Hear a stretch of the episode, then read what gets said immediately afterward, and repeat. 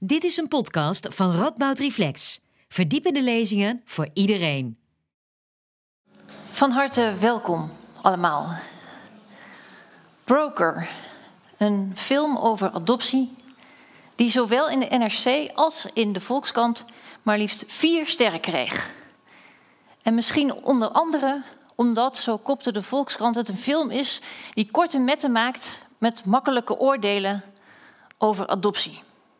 Want adoptie is een gevoelig thema. Dat blijkt ook uit de discussies die de afgelopen jaren in Nederland, Nederland zijn gevoerd. En dat geldt zeker als u zelf direct betrokken bent. En misschien geldt het ook voor sommige mensen hier in de zaal. Um, als je zelf geadopteerd bent of als je zelf kinderen geadopteerd hebt. De meningen over adoptie lopen sterk uiteen. Er zijn hele sterke voorstanders van adoptie. En ik heb het nu vooral over interna internationale of interlandelijke adoptie. Er zijn hele sterke tegenstanders van adoptie. En voor beide posities zijn uiteraard goede en geldige argumenten. Dus wat we vanavond willen gaan doen, ik dadelijk met Viviana en met u allen, is op zoek te gaan naar een genuanceerd gesprek. En ik zei het al, dat ga ik vanavond doen met Viviana Buizert. Nu denkt u misschien, als u onze website heeft gelezen... goh, ik verwacht Femke Takes. Dat klopt, zij zou hier zijn. Maar ze is helaas geveld door corona, dus ze kon niet komen. Gelukkig, Viviana Buizert, filosoof, zou al met haar in gesprek gaan... en zij heeft aangeboden om last minute, vandaag nog, in de trein hier naartoe... een korte lezing te schrijven. En ik ben heel blij en dankbaar dat ze dat, uh, dat, ze dat wilde doen. Um, Viviana Buizert is filosoof en ze is uh, onder andere de voorzitter van de stichting Filosofie Oost-West.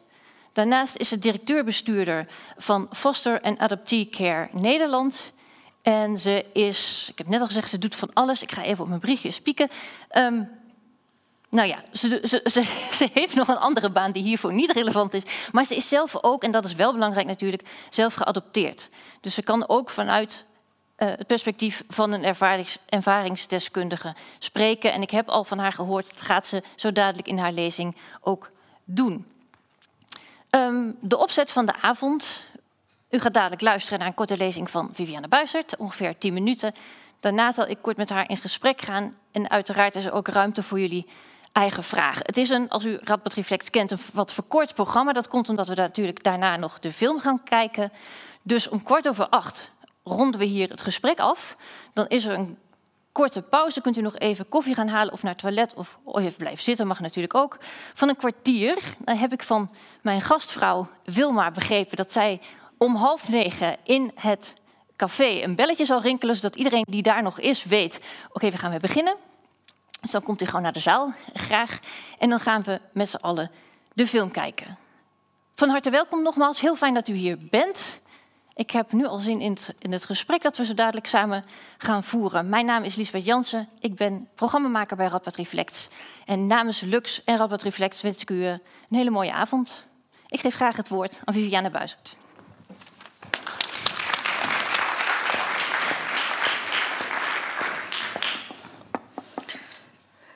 Allereerst welkom allemaal.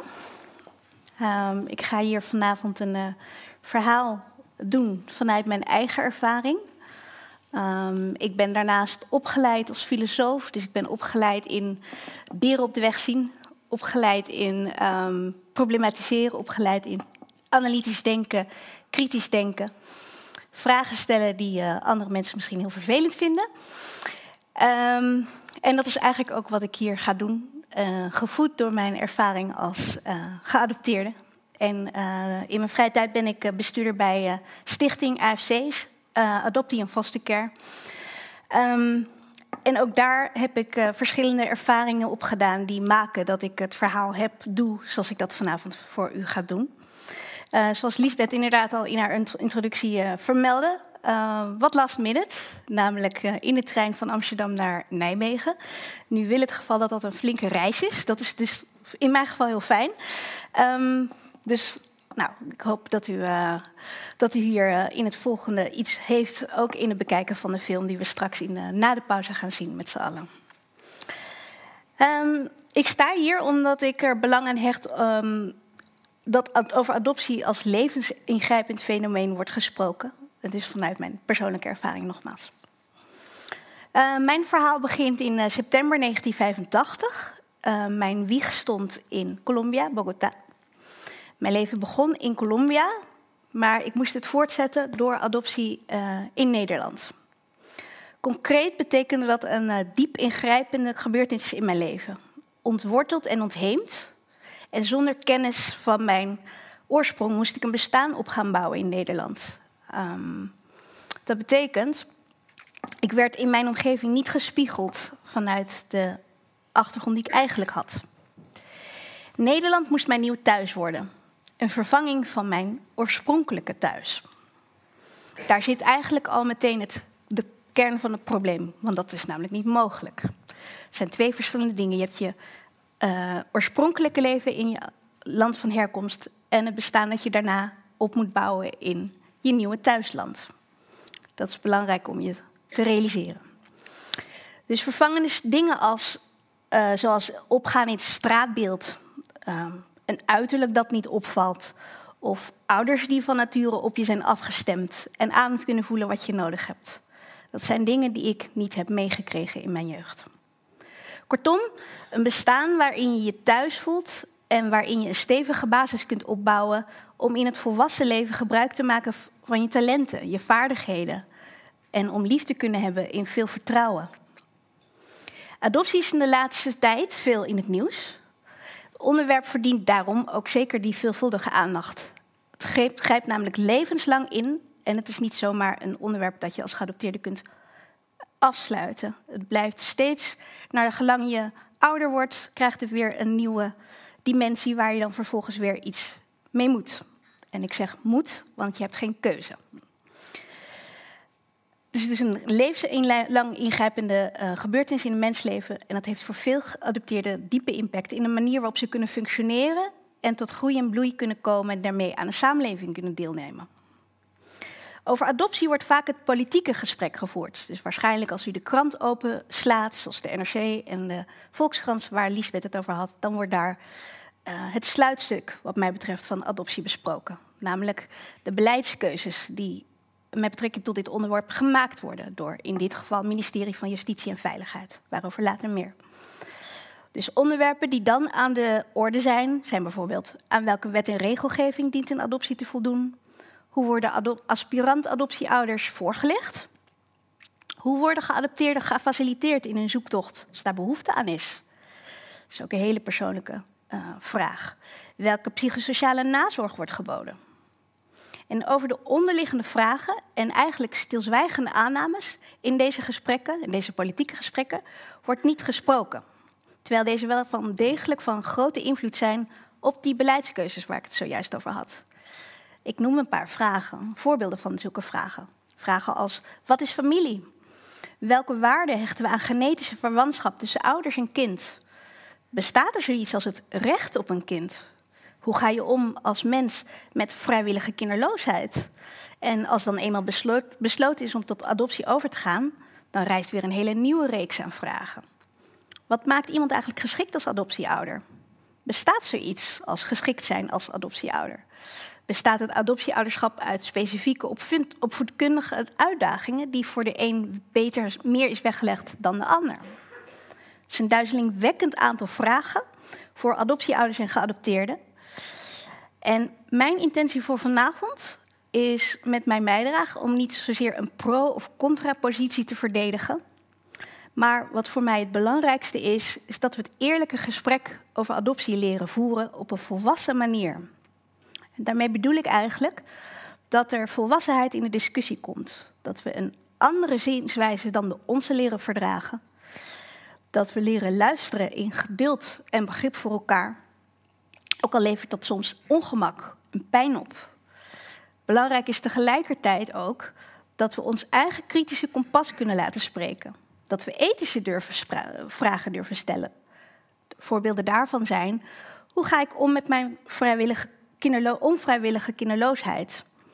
Ben ik in staat mij te verbinden met een kind met wie ik geen genetische band heb? Eerlijk durven staan bij, je, bij de nou, tussen aanhalingstekens liefdadige motieven. Met wie of wat help ik met adoptie? Waar voorziet deze voldoet, uh, voorziet adoptie in? Is adoptie echt het beste alternatief? Of misschien wat specifieker gezegd, hoe zuiver zijn mijn motieven om te willen adopteren? Doe ik dat voor in het kader van het belang van het kind? Of doe ik dat misschien voor mezelf? Adoptie raakt aan diep existentiële vragen die vaak te groot zijn om alleen, op te lossen. Dat soort vragen gaan vaak over bestaansrecht. Ben ik de liefde wel waard als mijn oorspronkelijke moeder mij heeft afgestaan? Dat soort complexe bestaansvragen werpen obstakels op in het kunnen opbouwen van een mooi bestaan. Zoals een vriend van mij het in een gesprek recent simpel, maar wel mooi en treffend verwoordde. Van ingewikkelde bestaansvragen kun je best een lastig mens worden. Die zogenaamde lastige mensen hebben nood aan adoptiesensitiviteit, uh, adoptiesensitieve geestelijke gezondheidszorg. Die oog heeft voor de complexiteit en de hele specifieke adoptiespecifieke vragen die dat met zich meebrengt. Voor de symptomen van uh, sommige adoptiespecifieke uh, worstelingen, zoals angsten of depressies, is er volop aandacht in de GGZ. Maar voor wat er onder die oppervlakte ligt, is vaak geen ruimte. Met mijn betoog heb ik geprobeerd zichtbaar te maken dat adoptie een impactvolle levensgebeurtenis die zeer diep ingrijpt. Dat vereist het kunnen voeren van een sensitief, doordacht, kritisch, eerlijk gesprek voor alle deelnemers, zowel de adoptieouders als de geadopteerden. Maar wat we hierin vaak vergeten, is de uh, geboorteouders. Waar zijn die eigenlijk? Wat zijn hun rechten en hoe worden hun rechten geborgd? Zijn hun rechten misschien niet meer waard dan het recht van de adoptieouders? Ook heb ik willen laten zien dat het GGZ-landschap een bredere verantwoordelijkheid heeft dan zij nu neemt. Psychische nood wordt vertaald in diagnoses, DSM-labels. Maar onderliggende vragen naar bestaansrecht en eigenwaarde worden zelden geadresseerd op een manier die recht doet aan geadopteerden. Ik vergelijk geadopteerd zijn wel vaak eigenlijk in gesprek met vrienden en mensen die er pertinente en impertinente vragen over stellen. Met het bouwen van een huis op een fundament dat altijd een zekere kwetsbaarheid met zich mee zal blijven dragen. Dat is althans mijn eigen ervaring geweest. Net als ieder ander vraagt het leven om investering van je interieur, dus investeren in vriendschappen, loopbaan, opleiding, mentale en fysieke gezondheid. Maar adoptie eist daarbij een sterkere investering. Eén met in potentie veel meer uitdaging dan menigeen dat die niet geadopteerd is. En uit ervaring weet ik dat het mogelijk is om een stevig huis te bouwen voor jezelf, maar er blijft altijd een kwetsbaarheid bestaan die voortkomt uit het ontworteld zijn. En de vraag is voor wie en uh, bij wie kunnen we daar dan mee terecht als geadopteerden? Dank voor uw aandacht.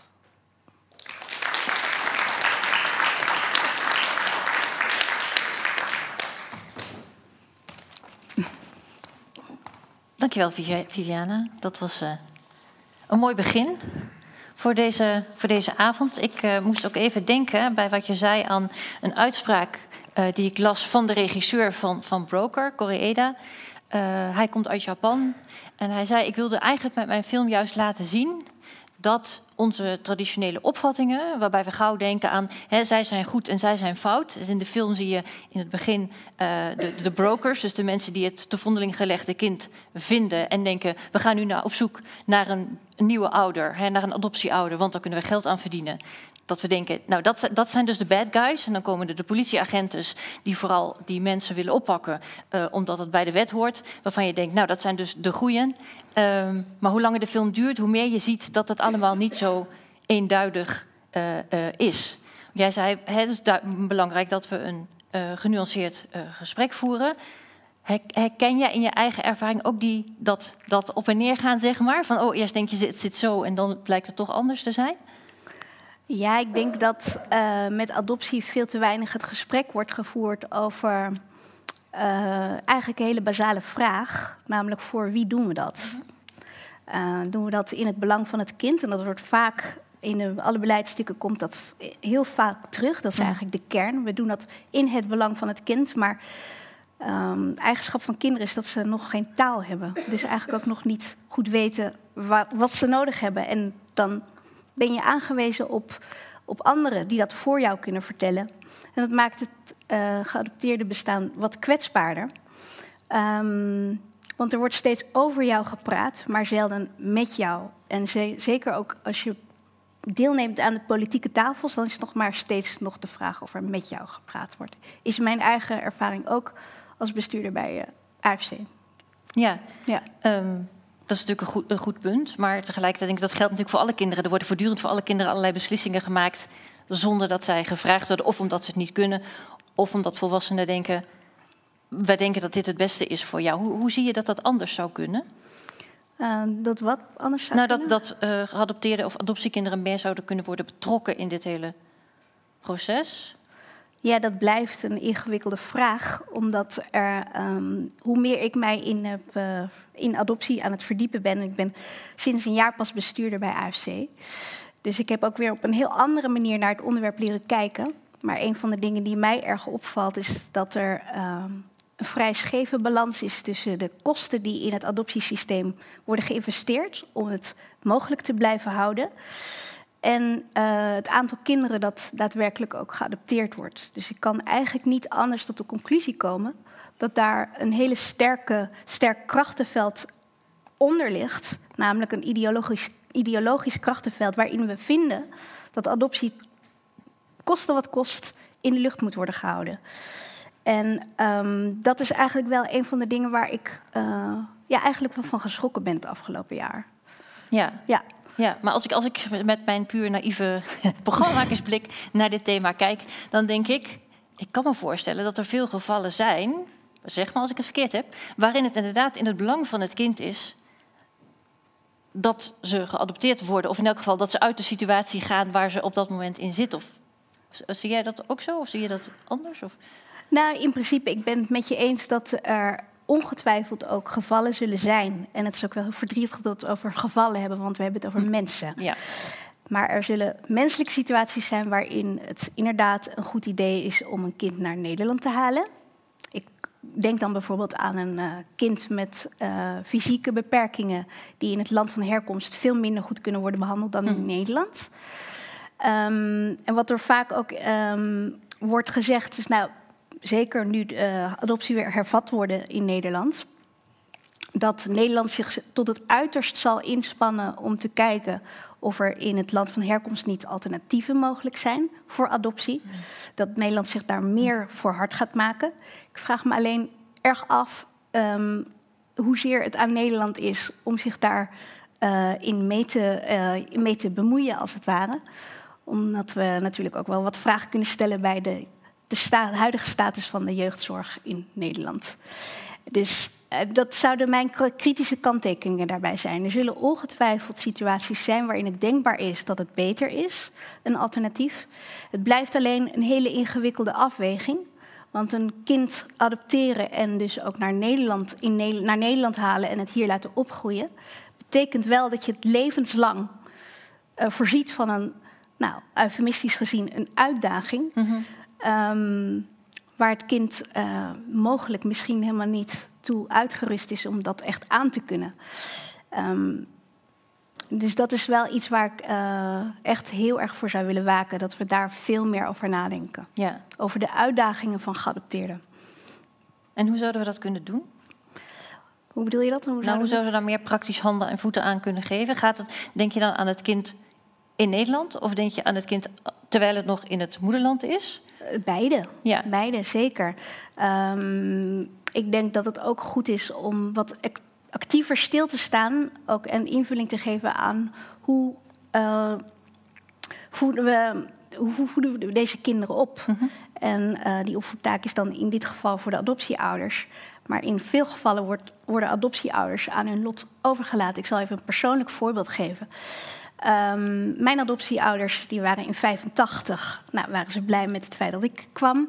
Maar er waren vijf jaar aan voorbereiding uh, aan vooraf gegaan. En in die voorbereiding was er werd er vooral gekeken naar... Uh, was het vooral juridische afwikkeling. Het was vooral een soort psychosociale check. Uh, kunnen deze mensen voorzien in kleding, onderdak, kan er goed onderwijs worden geregeld voor het kind.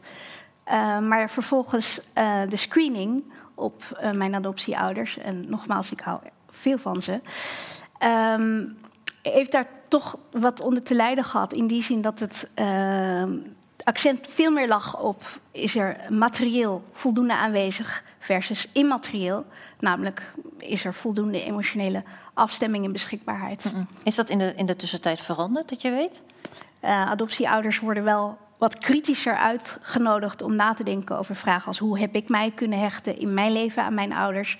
Hoe ben ik in staat om me te hechten aan, uh, aan mensen in mijn omgeving? Maar ik zou zeggen dat dat nog wel wat scherper zou, kunnen worden aangezet. Ja, ja, ja. Um, in, de, in de film gaat het ook heel erg over wat is eigenlijk familie? Wanneer ben je familie van elkaar? Gaat het dan vooral om bloedbanden? Of is dat, gaat het om andere dingen? Hoe, hoe zie jij dat? Oh, dat is een vraag. Alsof, het klinkt alsof ik er dan al helemaal uit ben. Nee hoor, dat hoeft helemaal niet. Um, tot nu toe denk ik dat familie. Um, ik ben ook noodgedwongen uh, om een oplossing hiervoor te verzinnen. Um, een oplossing die mijn situatie past. En mijn voorlopige antwoord zou zijn dat je familie uit nood, heb, zou ik zeggen, dat, dat je familie kunt kiezen. Maar daar zit ook iets heel verdrietigs aan, namelijk dat er mijn biologische familie is wel um, zowel in mijn dagelijkse leven niet aanwezig, maar wel degelijk altijd op de achtergrond, namelijk in mijn hart, ja. als een gemis. En met dat gemis leer je omgaan. En je kunt een mooi bestaan opbouwen. En een mooie carrière en allemaal keuzes die daar dan vervolgens bij horen. Um, maar mijn ervaring is wel dat die, dat gemis waar ik het net over had, mm kleurt wel heel vaak uh, hoe goed je in staat bent om die keuzes waar ik het dan, die ieder ander te maken heeft, om die te maken. Ja. Ja, want je vertelde, je bent ook op zoek gegaan hè, naar, je, naar je familie, je biologische familie. Ja. En in 2014 heb je ook je biologische moeder ontmoet. Wil je daar iets van delen? Zeker. Um, ehm, 2014 ging ik naar Colombia. Het voelde eigenlijk een beetje richting mijn adoptieouders als uit de kast komen. Um, in die zin, het voelde. Ik ben niet opgevoed met het idee dat ik uh, geadopteerd ben. Het is een keertje in een tussenzin zo gezegd. Um, maar als kind ben je niet helemaal bemachtigd om de abstractie daarvan helemaal volledig tot je door te kunnen laten dringen. Dus toen ik nou 28 was, dacht, voelde ik wel heel duidelijk de behoefte om uh, te weten waar ik vandaan kom en uit welke mensen ik ben voortgekomen. Dus ik had, nou, ik had de luxe van dat heel snel, van heel snel mijn biologische moeder op het spoor te zijn gekomen, maar het was heel surrealistisch. Want aan de ene kant is ze een bloedverwant, um, maar door mijn levensloop is ze een totale vreemde voor me geworden. En uh, hoe ga je om met die rare tweespanning? Dus aan de ene kant heel bekend en aan de andere kant totaal um, onbekend. En je weet ook eigenlijk niet zo goed hoe je dat dan gaat voortzetten. Want die zoektocht heb je dan uh, ingestart. Uh, daar is een resultaat uitgekomen. Maar dan vervolgens rijst de vraag: wat ga ik dan met dat uh, gegeven doen? Nu ik ze heb gevonden, ga ik deze band voortzetten? Hoe zet ik iets voort? Dat in een, we komen uit andere culturen. ik ben, nou, zoals je me wellicht hoort, onderlegd in het me goed redelijk uit kunnen drukken. Colombianen zijn over het algemeen wat vuriger. Uh, dus daar vind, kun je elkaar al niet helemaal vinden. Laat staan dat je geen gedeelde geschiedenis hebt. Um, en ja, om van de taal nog maar te spreken. Om nog van de taal maar te spreken, ja. inderdaad. Dus het is uh, zoeken naar een goed ritme en een goede vorm waarin je dat wil gieten. En, dat heb is, je die uh, gevonden? Um, work in progress, zoals ze het zeggen. Ja. Ja, ja. ja, want je vertelde ook bij het eten van dat je eigenlijk ook een bepaalde verantwoordelijkheid, nog steeds ook al heb je ze heel lang niet gezien, ook al woont ze aan, het andere, de andere kant van de wereld, dat je gewoon een verantwoordelijkheid voelt naar je familie, naar je halfbroers en halfzussen en naar je, naar je moeder. Ja. ja. Ja, dat klopt. En ik denk dat um, door mijn adoptie, daar ben ik eigenlijk vrij recent tot dat inzicht gekomen dat ik lang kind ben gebleven. Um, Wat bedoel je daarmee? Daar bedoel ik mee dat ik het lang moeilijk vond om, op, om ten volste ja te zeggen tegen de verantwoordelijkheden van een volwassen leven. Uh, ik had natuurlijk, ik heb al een tijdje een baan en ik, een tijdje gewoon vriendschappen, maar ik merkte dat ik toch ergens altijd voelde ik te willen verzuimen. Dus uh, een beetje duiken voor je verantwoordelijkheden. Ehm, nou, maar dat, dat kan ik helemaal niet rijmen met jou, want je hebt me net verteld dat je een enorme Heb ik heel lang bent. last van gehad. Ja? Ehm, en eigenlijk vrij recent voel ik heel sterk, uh, nu ik het gemis, zoals ik het dan nu aan jou benoem. Want dat is mhm. eigenlijk ook om, voor een tweede keer een kwetsbaar moment. Mhm. Dat gemis kan ik nu benoemen. Mhm. Ik kan zeggen dat het bij mij hoort. Maar dat is, daar zit filosofisch gezien al een rare tweespalt in. Dat je een bepaalde afwezigheid um, onderdeel maakt van wie je bent. Dus nou ja, goed, wellicht een interessant idee voor een boek. Maar ik vind het, um, dat is iets wat heel recent is, die gebeurtenis. Ja. Van het, ik voel dit gemis, dat hoort bij mij. En dat gaat ook niet meer anders worden. Ik heb me er lang tegen verzet. Maar dat ik nu voel, ik heb daar een bepaalde, een bepaalde mate van rust en vrede mee gevonden. Maakt ook dat ik dan kan zeggen mijn zusje, mijn Colombiaanse zusje, die komt nou, over niet al te lange tijd, wil ze naar Nederland komen, omdat ze hier, nou niet naar Nederland, maar naar Spanje komen, om daar, omdat dat daar betere baangarantie is. Ehm, en dan voel ik me wel verantwoordelijk als de zus. Uh, en dat is ook een nieuwe ervaring voor mij. Ja. Ja, en, en je hebt hier in Nederland ook broers en zussen, geloof ik? Ja, ik heb hier in Nederland twee broers, uh, adoptiebroers. Ja, ook geadopteerd? Nee, ah, die zijn, en dat is, vind ik nog wel even belangrijk om te zeggen, om aan te vullen op mijn verhaal. Um, als het gaat om die adoptieouders, die wat mij betreft ook een verantwoordelijkheid en een taak hebben, um, om zich af te vragen waarom wil ik een kind adopteren. Want in mijn specifieke geval is het zo dat ik toegevoegd werd aan een gezin dat eigenlijk al er al was. En die toevoeging maakt wel dat dat heeft hele specifieke um, uitdagingen weer met zich meegebracht. Mhm. Omdat je op een heel andere manier weer voelt, ik ben niet thuis in mijn thuis. Omdat je ook wel ziet dat de omgang met, tussen mijn ouders en mijn adoptiebroers is toch anders dan uh, de omgang tussen mij en mijn. Ja, ja, er zit wel een verschil in. Mm. En ze zullen dat zelf altijd ten stelligste ontkennen uit liefde voor mij. Mm. En daar wringt natuurlijk ook de schoen, omdat je elkaar wil beschermen. En uh, die eerlijkheid is soms uh, heel pijnlijk. Eh, niet in de laatste plaats voor mijn adoptieouders. Hmm. Um, maar ook voor mij. Maar het dubbele en het uh, prettige vind ik dat op het moment dat je die, um, dat dubbele durft te benoemen, dan mag het er zijn en dan kun je het er gewoon over hebben. Maar ja, dat is al eigenlijk al het resultaat van lang geploeter van mijn kant ook. Ja. Dus, ja. ja, misschien, want je zei het ook net, hè, zo van uh, mijn ouders hebben het eigenlijk nooit we hebben het hier expliciet nooit, mijn adoptieouders, nooit expliciet over gehad. Het is een keer in een bijzin genoemd. Ja. En jij, jij bent geadopteerd. Uh, misschien heeft dat al veel pijn veroorzaakt, omdat het niet bespreekbaar was? Zeker, uh, omdat je voelt als kind, klein kind voelde ik al, hier, is iets niet, hier klopt iets niet helemaal, maar je weet tegelijkertijd niet zo goed de vinger erop te leggen. En als kind ben je wel redelijk afhankelijk van, mhm. van je ouders uh, in betekenisgeving.